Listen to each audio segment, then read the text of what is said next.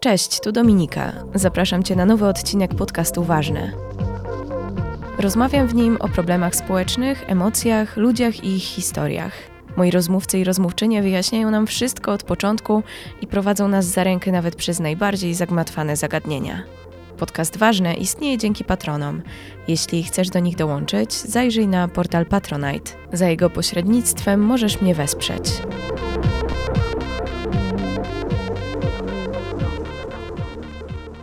Dzisiejsza rozmowa jest zaproszeniem do przeczytania pewnej publikacji. Wiele się z niej dowiedziałam.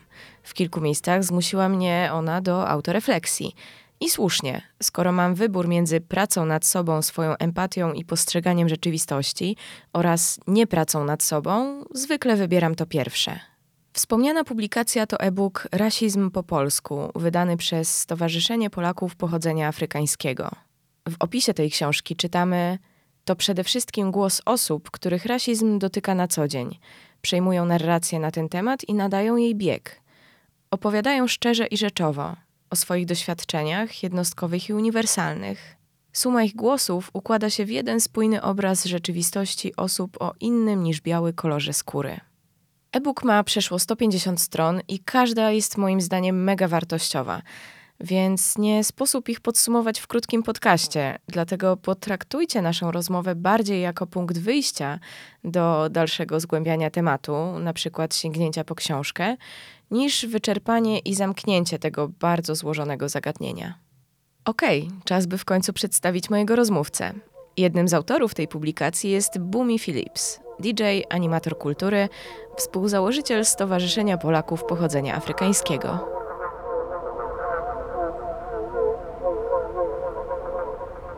Twoja działalność, jeśli chodzi właśnie o informowanie i edukację, jest y, duża też. Tu nie chodzi tylko o książkę, ale po prostu o komunikację o tym na przykład w mediach społecznościowych. Czy trudno jest w Polsce rozmawiać na ten temat? Z pewnością. Y, tak, oczywiście są bardzo różne grupy osób, y, które bardzo różnie reagują na taką otwartą, szczerą, uczciwą rozmowę na temat właśnie codzienności takich osób w, u nas w kraju.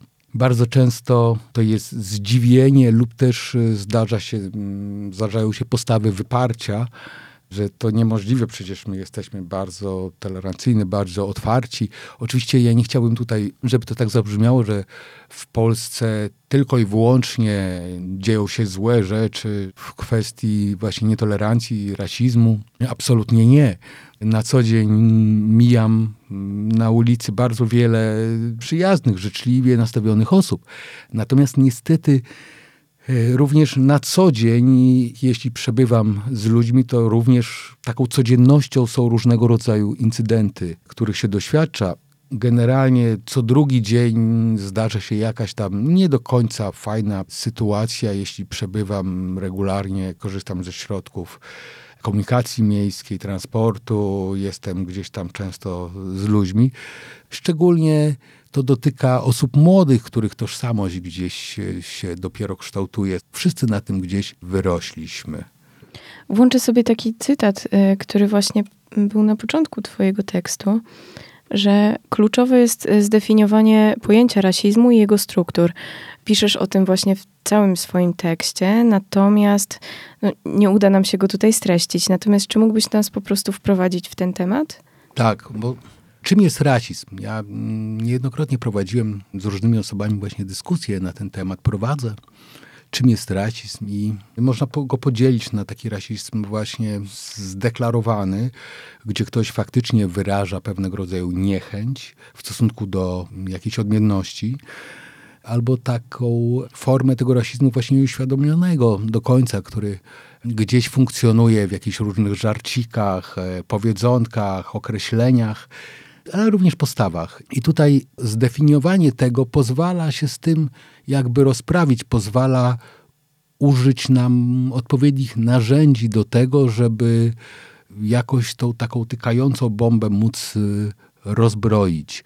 Wiele osób y, wyrasta w takich trochę rasistowskich wzorcach. I tutaj właśnie w momencie, gdy toczą się dyskusje, co jest rasizmem, co nie, to bardzo często docieramy do tego, że wiele takich postaw bywa po prostu zupełnie nieuświadomionych u niektórych osób, wydające się właśnie niewinnymi żarcikami, czy też bagatelizowaniem różnych sytuacji.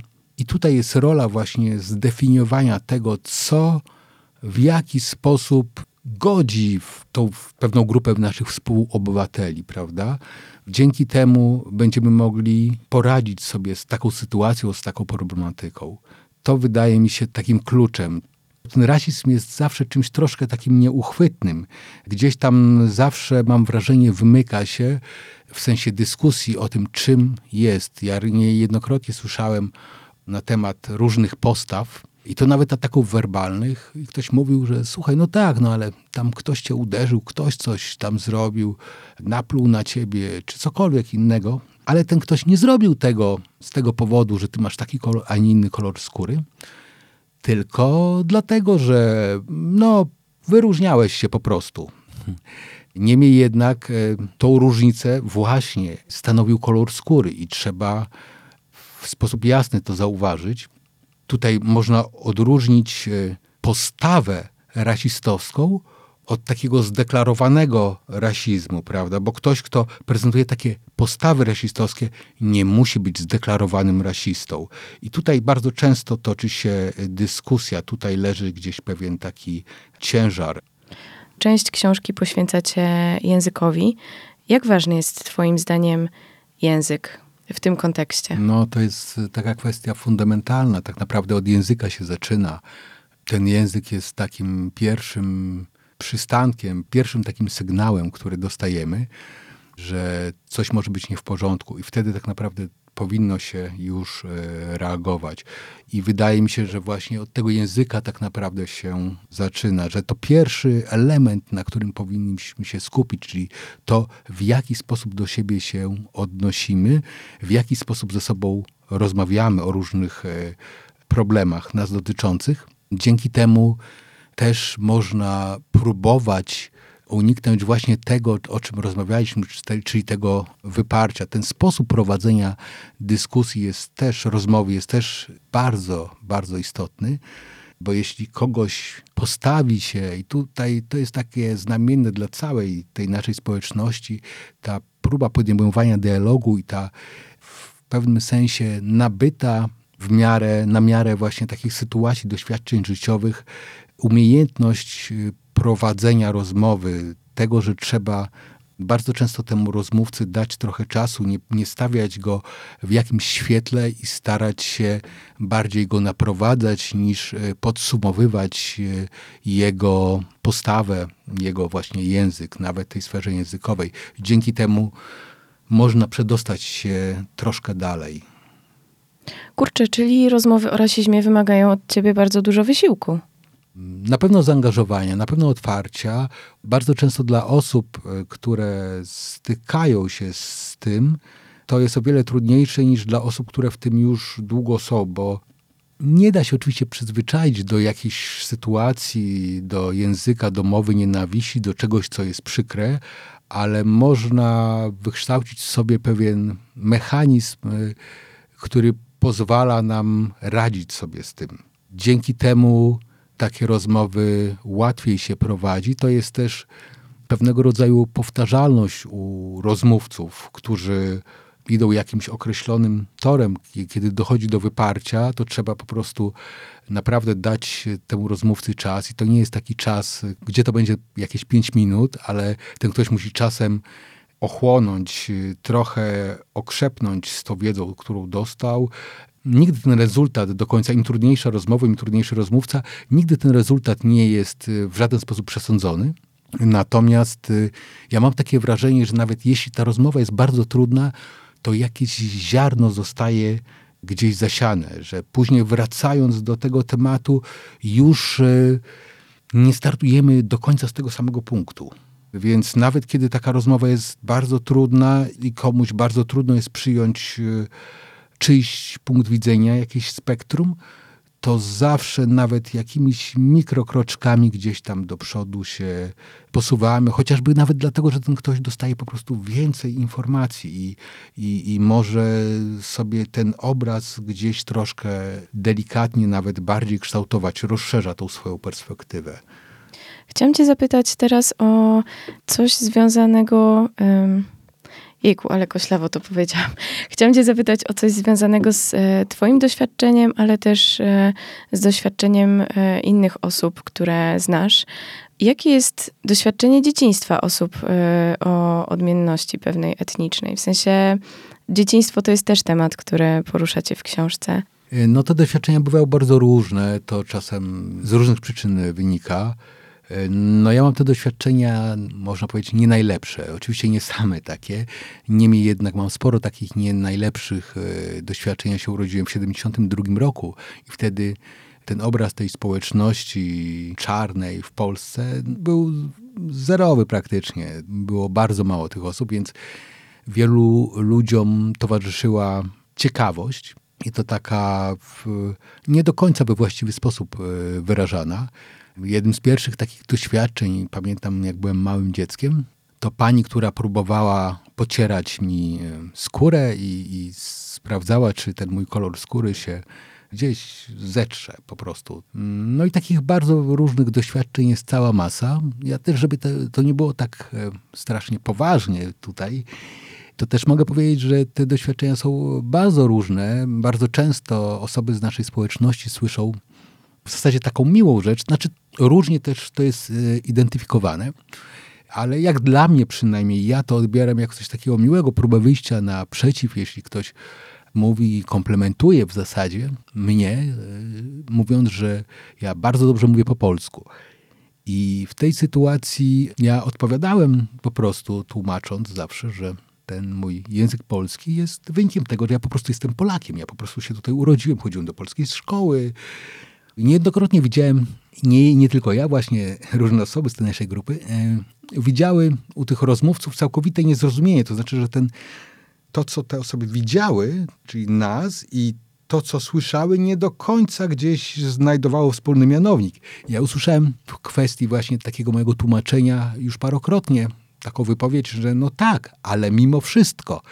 I co było niezwykle zabawne, no bo, bo jednak. Yy, więc teraz zazwyczaj ja to mówię jako taką anegdotkę. Idę trochę na skróty i jeśli ktoś mówi, że ja bardzo dobrze mówię po polsku, to ja odpowiadam, że on również bardzo dobrze mówi po polsku. Na przykład jeden mój znajomy, Miłosz, odpowiada, że prawdopodobnie nawet lepiej niż pan czy pani. I to osoby zawsze, mm, to wzbudza jakiś taki, taką wesołość trochę y, i troszkę ucina tą kwestię, która, tak jak powiedziałem, dla mnie jest czymś takim normalnym, nie jest niczym uciążliwym. Niemniej jednak niektórzy odbierają to jako wskazanie pozawspólnotowe, że, że jednak znowu ktoś zauważa, że oni nie są stąd, że nie są Polakami. Więc tu też jestem tego świadomy, że to, z czym ja bardzo jestem dobrze jakby oswojony i ja w jakiś sposób coś odbieram, to jednak dla niektórych też może być uciążliwością. Na przykład dla mnie taką trochę uciążliwością już jest takie przekroczenie jakby takiej troszkę granicy pewnej prywatności i w sytuacji, gdy nie znam jakiegoś człowieka całkowicie, pierwsze słowa, które wypowiada, to pyta się skąd ja jestem?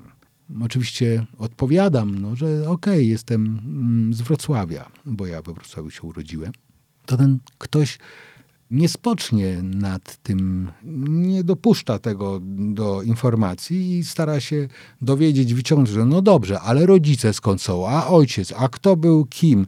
Jakby wkracza, gdzieś już przekracza pewną granicę taką, wkracza gdzieś w czyjąś prywatność, nie do końca może zdając sobie z tego e, w pewnym sensie sprawę. I to jest taki pewien element, który na przykład jest jak dla mnie już troszkę męczący, bo ktoś uzupuje sobie prawo do tego, że żeby dowiadywać się, tak żeby ten druga osoba spowiadała mu się, kim jest i tak dalej, i tak dalej. To, to jest y, najczęściej dla mnie takim z takich bardzo w zasadzie rzeczy, które trudno by zidentyfikować jako jakąś postawę rasistowską, ale jest czymś po prostu uciążliwym. Dzięki, że to mówisz, bo pewnie wiesz, gdyby ktoś mi zadał takie pytanie, w związku z tym, że słyszę je rzadko, to nic by mi nie zrobiło. Natomiast dzięki, że wyjaśniasz jakby, jakie są twoje doświadczenia związane właśnie z takimi pytaniami. Ja tu też do tego jeszcze jedną rzecz mogę dodać, oczywiście. Z jednej strony mogę powiedzieć, że oczywiście to nie chodzi o sytuację, kiedy jesteśmy w kimś, z kimś w jakiejś przestrzeni, nawiążemy jakąś dyskusję i ktoś się pyta, ale po prostu tak ni stąd, ni sowąd ktoś w kolejce w sklepie mnie pyta, albo po prostu, a skąd jesteś? To jest czymś takim dziwnym. Natomiast tutaj muszę zauważyć jeszcze jeden element, o którym też już zdarzyło mi się powiedzieć, że o ile takie pytanie od Polaka w takim rozumieniu po prostu takiej białej osoby jest y, powielane na mocy właśnie zaspokojenia sobie, w chęci zaspokojenia w sobie jakiejś ciekawości, to to samo pytanie od osoby również odmiennej etnicznie jest zupełnie czym innym, ma całkowicie inny obraz. Jest y, taką próbą nawiązania porozumienia, znalezienia wspólnego gruntu, e, wspólnej płaszczyzny jakiejś relacji. To taki niuans, ale, ale z takich drobnych elementów przecież jednak składa się nasza cała rzeczywistość, codzienność, prawda? To, jak coś postrzegamy. Z tego, co mówisz, to mam taki jeden wniosek, że warto czasem jednak pomyśleć sobie, że coś jest ważniejsze niż nasza ciekawość warto sobie uświadomić, że nasza ciekawość nie jest największą potrzebą w danym momencie, żeby ją zaspokoić, tylko są inne ważniejsze rzeczy, na których warto się skupić. Nie wiem, czy w dobrym kierunku moje, moje myśli idą. Tak, oczywiście. Ja tak mogę wytłumaczyć na takim przykładzie. Jak ja widzę kogoś w turbanie, to ja też jestem ciekawy. Mnie też to interesuje. No bo ja nie stykam się z tym turbanem na co dzień, prawda? Ale staram się z tą ciekawością nie iść za daleko, czyli po prostu nie obracać się za tym kimś kilka razy, nie zadawać mu różnych pytań, żeby nie czuł się w żaden sposób zakłopotany, żeby czuł się po prostu zupełnie normalnie. Ja w pewnym momencie, będąc we Francji jeden z pierwszych razów, zdałem sobie sprawę, że kurczę, nikt się na mnie tutaj nie patrzy, nie jestem przedmiotem obserwacji. I to było takie jakieś pewnego rodzaju uwolnienie, że mogę tutaj czuć się zupełnie tak anonimowo, w przeciwieństwie do, do Polski. No już teraz oczywiście w dużych miastach obyliśmy się z tą innością, z tą reprezentacją właśnie osób troszkę inaczej wyglądających. Niemniej jednak e, w mniejszych miejscowościach to jeszcze bardzo często ludziom towarzyszy, że jakaś odmienność wzbudza taką sensację, prawda? Jak to wpływa na młodych ludzi? Dorośli, jakby wydaje mi się, że w toku życia pewną odporność e, wykształcają na różne doświadczenia, natomiast dzieci są takie bardzo wrażliwe i zastanawiam się, jak właśnie takie doświadczenie, sygnały wysyłane z zewnątrz o odmienności, jak to wpływa na młodych ludzi? Bardzo różnie. Na swoim przykładzie mogę powiedzieć, że ta sytuacja tej odmienności była dla mnie na tyle trudna, że ja po prostu chciałem mieć inny kolor skóry, chciałem być tacy jak wszyscy. I to poczucie bardzo długo mi towarzyszyło.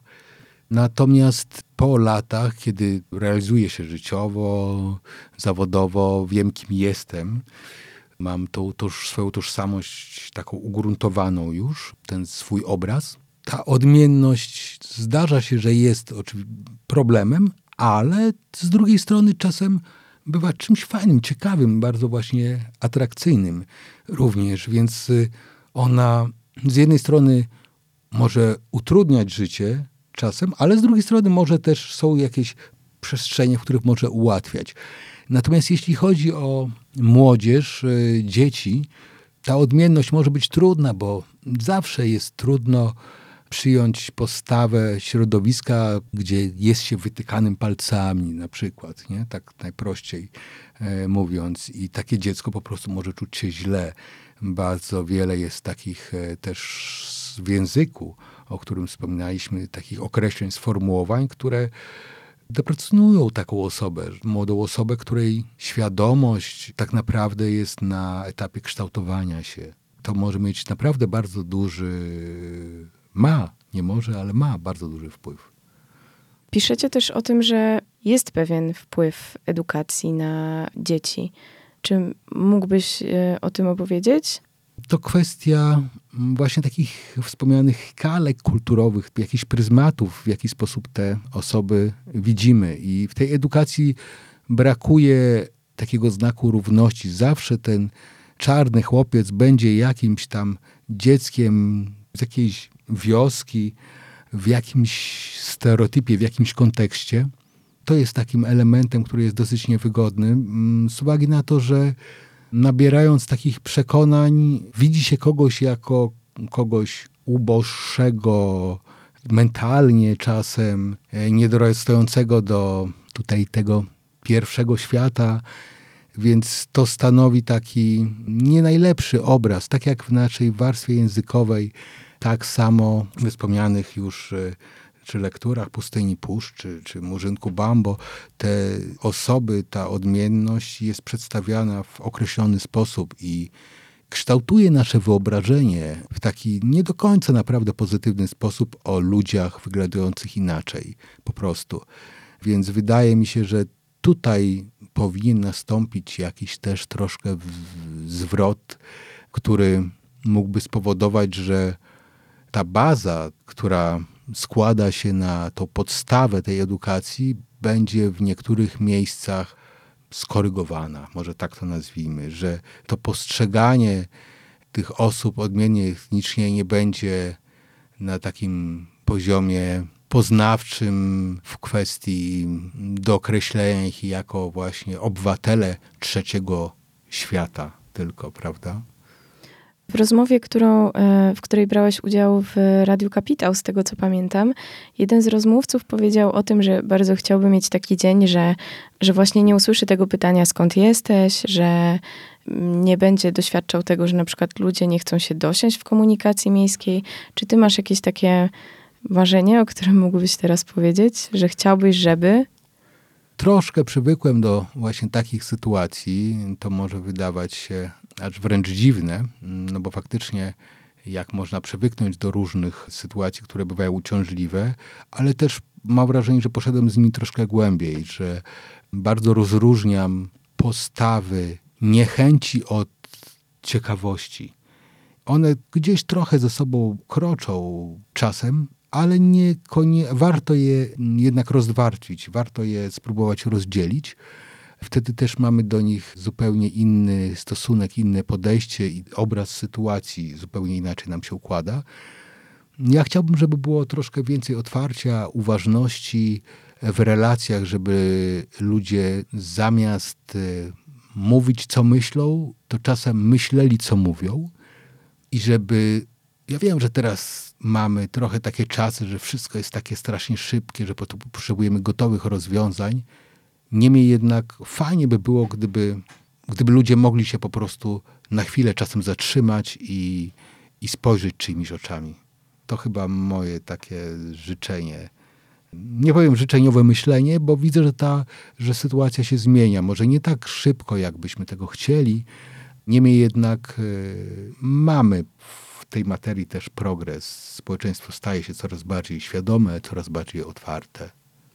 To nie było ostatnie pytanie, być może zabrzmiało trochę jak taka puentowa sprawa, ale chciałam Cię jeszcze zapytać o parę rzeczy. W książce też wspominacie o takim pojęciu jak nanorasizm. Czym jest? To jest szereg takich mikroekspresji, czasem mikroagresji skierowanych w stosunku do kogoś, których suma tak naprawdę powoduje, że stają się bardzo dużym ciężarem. Z pewnością niejednej osobie z nas, tutaj ze słuchaczy, zdarzyło się, że czuła się w jakiś sposób gdzieś nieakceptowana, że ktoś o niej gdzieś nawet niespecjalnie głośno, ale źle się może wyrażał, patrzył z jakąś nieakceptacją. I to jest taki właśnie cały szereg takich mikro, takich z pozoru niezauważalnych postaw, których, tak jak wspomniałem, suma powoduje, że stają się ciężarem. To są takie postawy takiej właśnie codzienności, niestety, które składają się na to właśnie pojęcie. Jeśli widzimy w czyichś oczach właśnie nieakceptację albo właśnie drobne gesty, one są składową tego pojęcia, tego nanorasizmu, czyli czegoś takiego z pozoru prawie niewyczuwalnego, ale tak jak powiedziałem, no niestety sumarycznie to czuć, to jest pewna forma taka rasizmu, z którą trzeba się też po prostu mierzyć. To brzmi jak coś, co trudno tak jakby udokumentować niedowiarkom. Mm. Bo to jest tak, że jeśli towarzyszy nam jakieś takie poczucie, że ktoś gdzieś nas je akceptuje, no to w jakimś otoczeniu, środowisku, powiedzmy w pracy, dajmy na to, że jest ktoś, kto nas tam nie akceptuje. Czujemy jego niechęć, taką nie całkowicie już zwerbalizowaną, ale czujemy, że coś wisi w powietrzu. I ta osoba, powiedzmy, doświadcza tego w jednym miejscu, gdzieś tam w jakiejś pracy, powiedzmy hipotetycznie. A takie sytuacje towarzyszą osobom takim jak ja w bardzo różnych ujęciach i w bardzo różnych sytuacjach, w których naprawdę można, nie można byłoby się ich nawet spodziewać. Też stanowi problem ich ilość, ich y, zagęszczenie bo kiedy spotkamy się z taką sytuacją jednorazowo, jednostkowo albo w jakiejś jednej tylko przestrzeni, to łatwiej sobie z nią radzić, ale jeżeli to dotyczy nas w bardzo różnych okolicznościach, w bardzo różnych sytuacjach, gdzieś nam zaczyna towarzyszyć, to wtedy nabiera pewnego właśnie ciężaru. Czyli właściwie, żeby zrozumieć to pojęcie, trzeba by być na przykład tobą, w sensie, że to są rzeczy, których na przykład nie doświadczą, nie wiem, twoi znajomi, choćby mhm. prowadzili ten sam tryb życia, tak. E, chodzili w te same miejsca Mając i tak dalej. określony kolor skóry można poczuć coś takiego. To już jest kwestia właśnie takiej odmienności. To jest też, tak jak e, jeden znajomy to określił, że starając się to podsumować, powiedział, że to jest tak, że ktoś patrzy na niego w taki sposób, że on nie wie, co stoi za tym spojrzeniem. Czy ta osoba za chwilę nie zbliży się do niego i go nie uderzy, na przykład, nie? że nie wie, co się po prostu wydarzy. Więc tak można to też w jakiś sposób spróbować zobrazować, ująć. No i faktycznie tutaj przechodzimy do takiego pewnego pojęcia, które jest strasznie trudnym pojęciem dla rozmówców.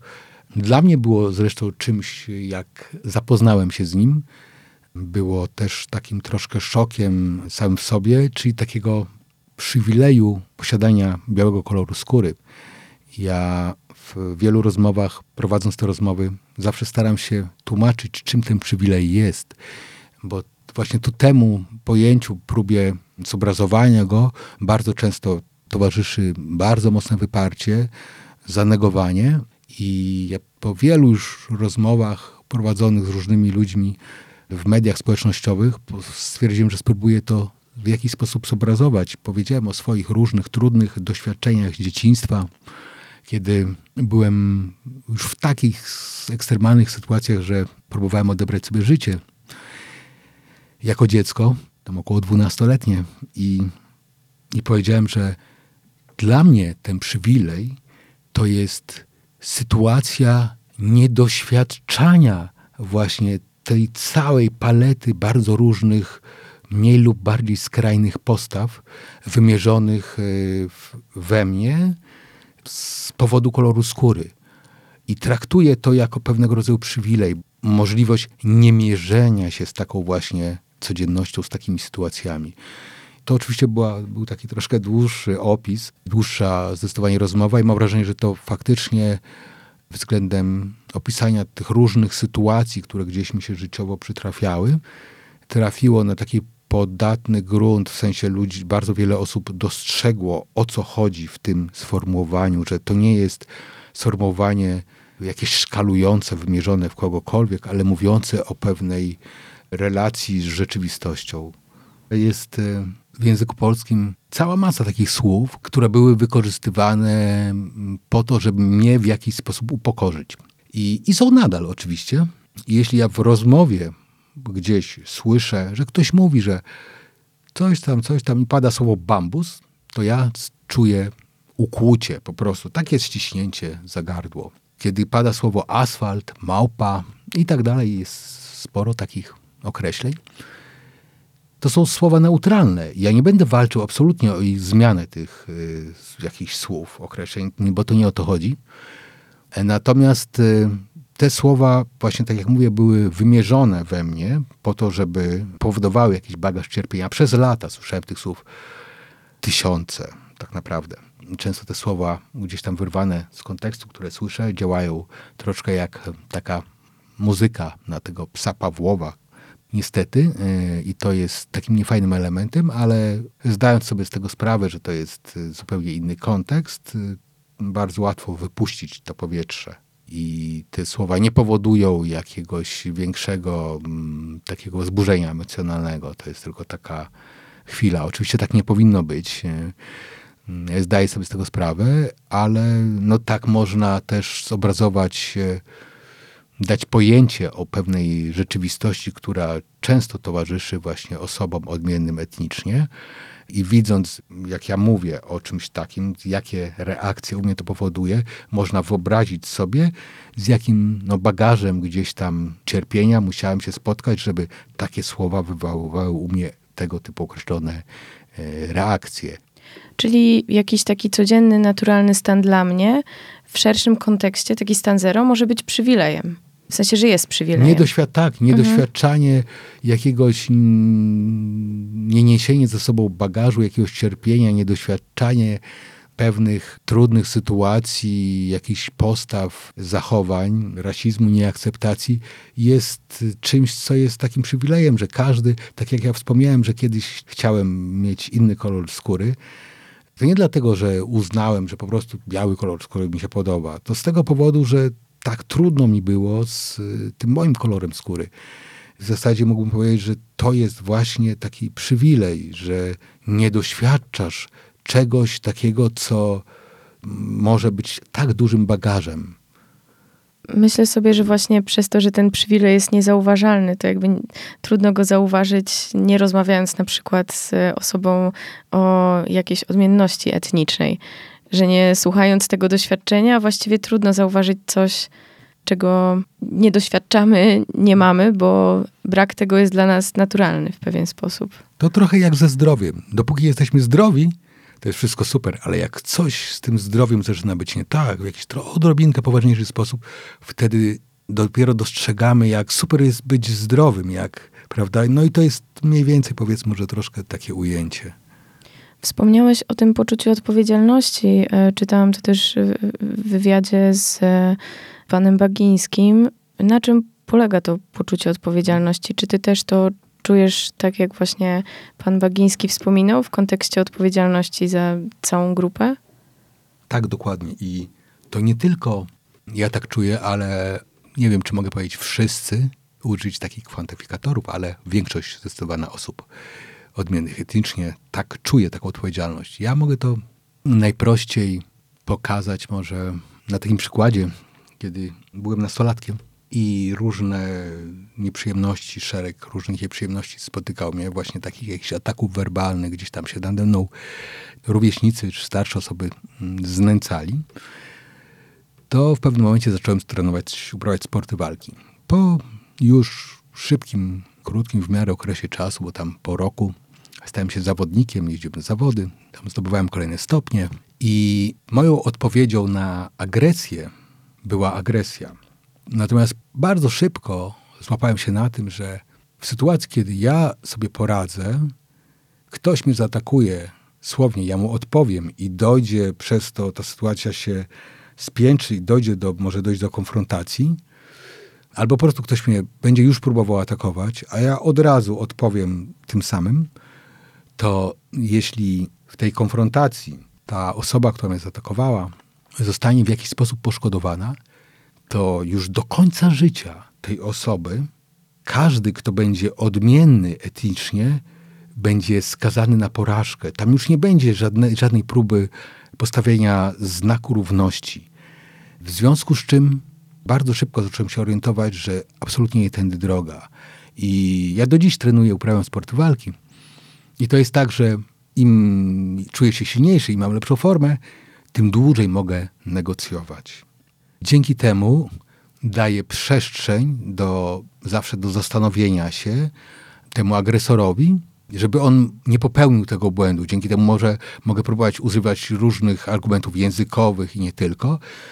Żeby do tej sytuacji konfrontacji nie doszło. Bo jeśli nie dojdzie do tej sytuacji konfrontacji, to jest szansa, że ten ktoś coś z tego wyciągnie, a nie tylko stanie się dożywotnim wrogiem tej jakiejś grupy etnicznej, tak naprawdę. I to jest wyraz poczucia takiej właśnie odpowiedzialności za, za tą naszą społeczność. Tak mógłbym to zobrazować na przykład. Staram się tak właśnie zahaczać o różne tematy z książki, ale być może pominęłam coś z niej bardzo istotnego dla ciebie. Co dla ciebie jeszcze jest istotne w tej publikacji? W tym opracowaniu, co jest bardzo istotne, możemy zobaczyć e, indywidualne spojrzenie różnych osób na tą e, rzeczywistość, w której się znajdują. I wydaje mi się, że to jest bardzo takim cennym elementem, bo są tam bardzo różne doświadczenia. My też nie zawsze wszyscy mówimy jednym głosem. Ta perspektywa była bardzo różna. Nie wszyscy mieliśmy to dzieciństwo takie samo. I nie wszyscy też odbieramy tą rzeczywistość, która jest wokół nas, o czym też może już troszkę wspomniałem, w taki sam sposób. Jedne osoby, jednym osobom sprawiają trudność, przykrość, określone rzeczy, inne gdzieś tam radzą sobie z takimi elementami rzeczywistości, a ten ciężar do różnych postaw leży troszeczkę gdzie indziej. To, że nie jest to opracowanie zrobione przez jedną osobę, wydaje mi się tutaj bardzo dużą y, wartością. To chyba o tym mógłbym powiedzieć tylko.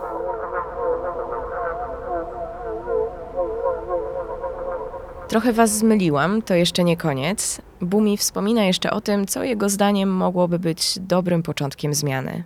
Próba czasem oddania narracji osobom bezpośrednio zainteresowanym, tym, o których coś jest, będzie tutaj dobrym rozwiązaniem, bo tak jak ja gdzieś tam słyszałem niejednokrotnie, na przykład polityków siadających, dyskutujących sobie w jakimś studiu, czy Polsce jest rasizm. Nie, no nie ma rasizmu. Nie jesteśmy bardzo... Nie, absolutnie, ale gdzież, ale skąd? I tak naprawdę w tej dyskusji zabrakło mi niejednokrotnie tych osób bezpośrednio zainteresowanych, tych beneficjentów tych różnych postaw, żeby ci ludzie mogli się wypowiedzieć na ten temat. Warto by oddać im głos, więc ta umiejętność słuchania jest czymś bardzo istotnym i próba wyciągnięcia z tego różnych wniosków to jedno. Prawdziwy dialog, kiedy słucha, daje się przestrzeń komuś i się go słucha, nie tylko słyszy i myśli się o tym, co nasz rozmówca ma do przekazania, to chyba będzie takim punktem wyjścia w kwestii jakiejś zmiany tego, co mogłoby ją powodować. O e-booku Rasizm po polsku przypomnę Wam jeszcze w mediach społecznościowych. Bardzo Wam dziękuję, że byliście z nami. Jeśli spodobał Wam się ten odcinek, pamiętajcie, żeby przekazać go dalej innym osobom, które mogą uznać go za wartościowy. Będę Wam za to bardzo wdzięczna. Zajrzyjcie też na instagramowe i facebookowe konto podcastu Ważne. Dzielę się tam różnymi rzeczami, nie tylko związanymi z odcinkami. Jeśli chcecie się czymkolwiek podzielić, to piszcie wiadomości lub maile na dominikamałpaważnepodcast.com. Na koniec życzę Wam dużo otwartości na doświadczenia innych osób. Do usłyszenia.